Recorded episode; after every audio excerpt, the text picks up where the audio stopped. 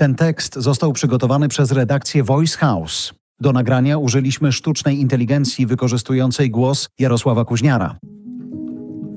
Ze studia Voice House specjalna seria podcastów Ukraine in Brief. Najnowsze wiadomości dotyczą 14 marca 2023 roku.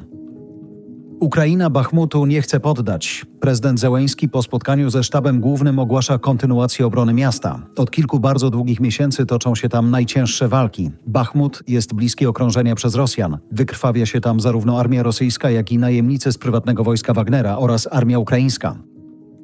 Wagnerowcy dotarli tymczasem do zakładu, który w grudniu odwiedził Zełęński. Pokazali w mediach społecznościowych zdjęcia z dużego zakładu metalurgicznego Azom.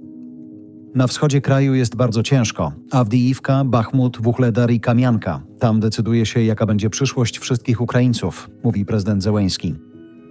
Na Litwie grupa Wagnera została właśnie wpisana na listę organizacji terrorystycznych. Litwa zamierza stworzyć specjalną ustawę o zapobieganiu terroryzmowi, która ma nakładać sankcje na osoby zaangażowane w przestępczą działalność.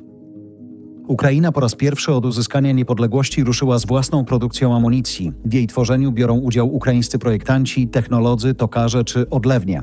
To ukraiński koncern państwowy we współpracy z jednym z krajów NATO rozpoczął produkcję pocisków kalibru 125 mm. W Rumunii z kolei powstanie nowy zakład produkcji prochu i amunicji. To ma być współpraca Rumunii, USA i Korei Południowej.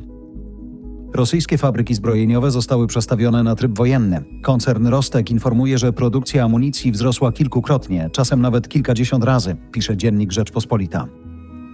Prezydent Putin odwiedził zakłady lotnicze w Ułanude. Jak mówił, stawką wojny z Ukrainą jest istnienie Rosji jako państwa. Rosja wygra, jeśli społeczeństwo wykaże się konsolidacją i opanowaniem.